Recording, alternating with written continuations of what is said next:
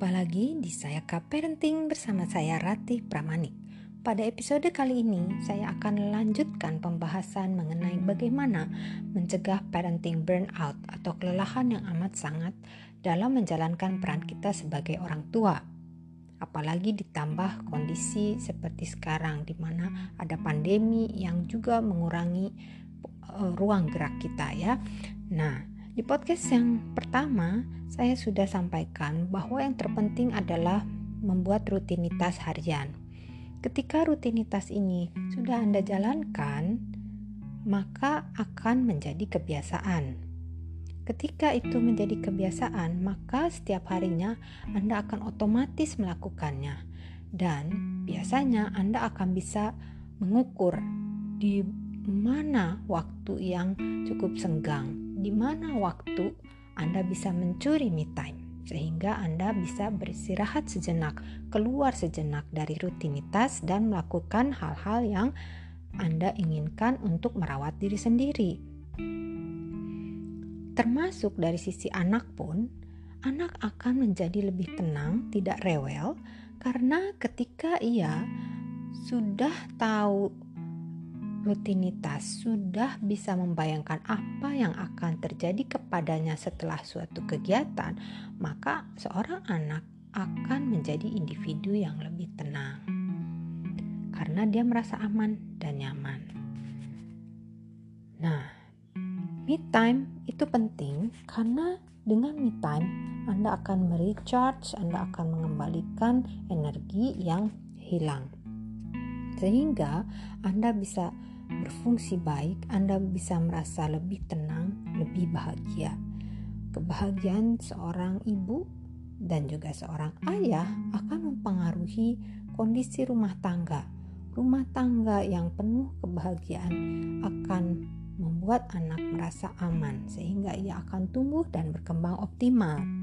Berbeda jika anak berhadapan dengan seorang ibu yang dengan mudahnya marah-marah. Ia pun akan menghadapi sebuah ketakutan karena dia merasa bentar lagi mama akan mengeluarkan suara tinggi, akan teriak. Sehingga dia pun akan tumbuh dan berkembang kurang optimal.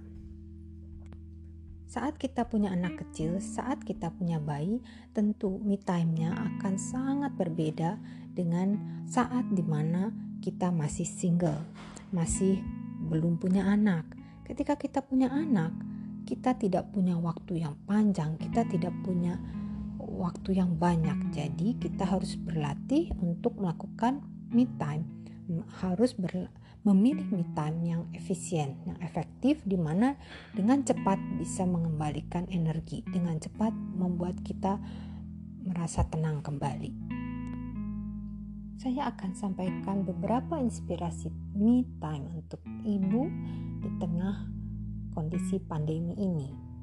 Jadi, ambillah kegiatan yang ringkas misalnya ambil waktu untuk Anda menyempatkan diri menarik nafas dalam-dalam, kemudian tahan tiga hitungan, lalu keluarkan melalui mulut.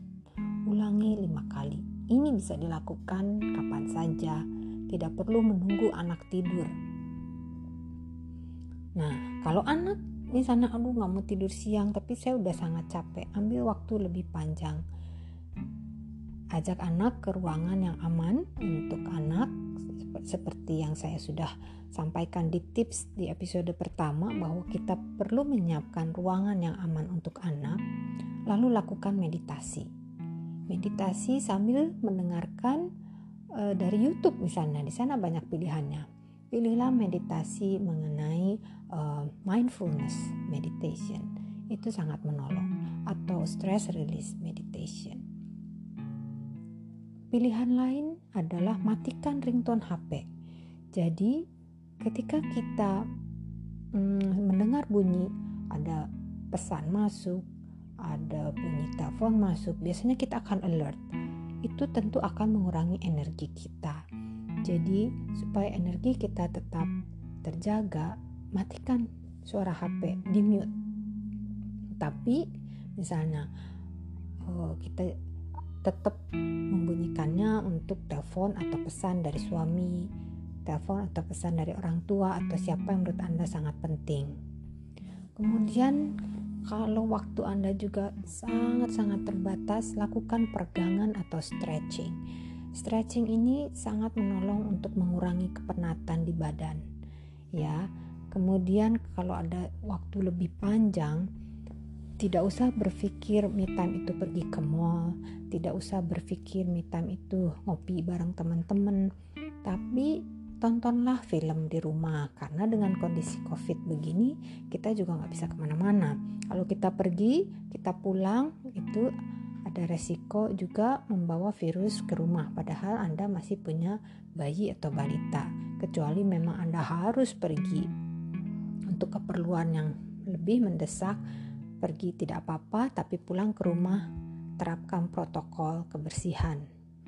Nah sekarang sudah ada on demand TV jadi Anda bisa menonton film bisa itu separuh dulu, seperempat dulu tergantung waktunya. Tapi ada Anda bisa mencuri waktu karena pada beberapa orang menonton film itu juga menurunkan ketegangan.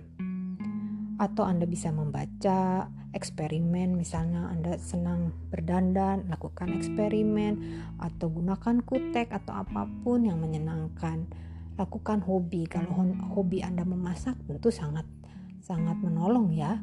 Tapi kalau tidak hobi memasak, cobalah Anda belajar menikmati segala pekerjaan rumah tangga yang Anda lakukan.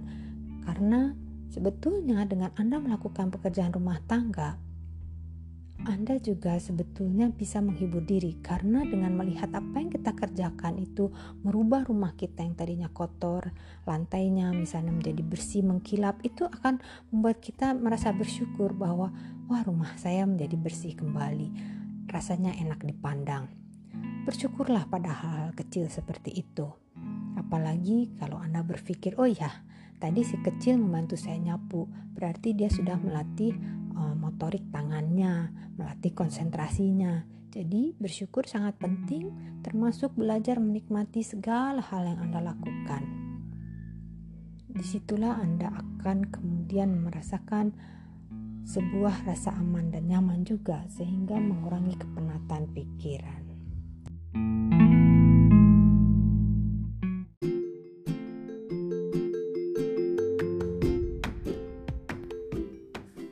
Nantikan episode selanjutnya mengenai tips-tips untuk melibatkan pasangan dalam melakukan parenting. Simak dan ikuti Instagram saya Kak Mardika Abiasa. Sampai jumpa.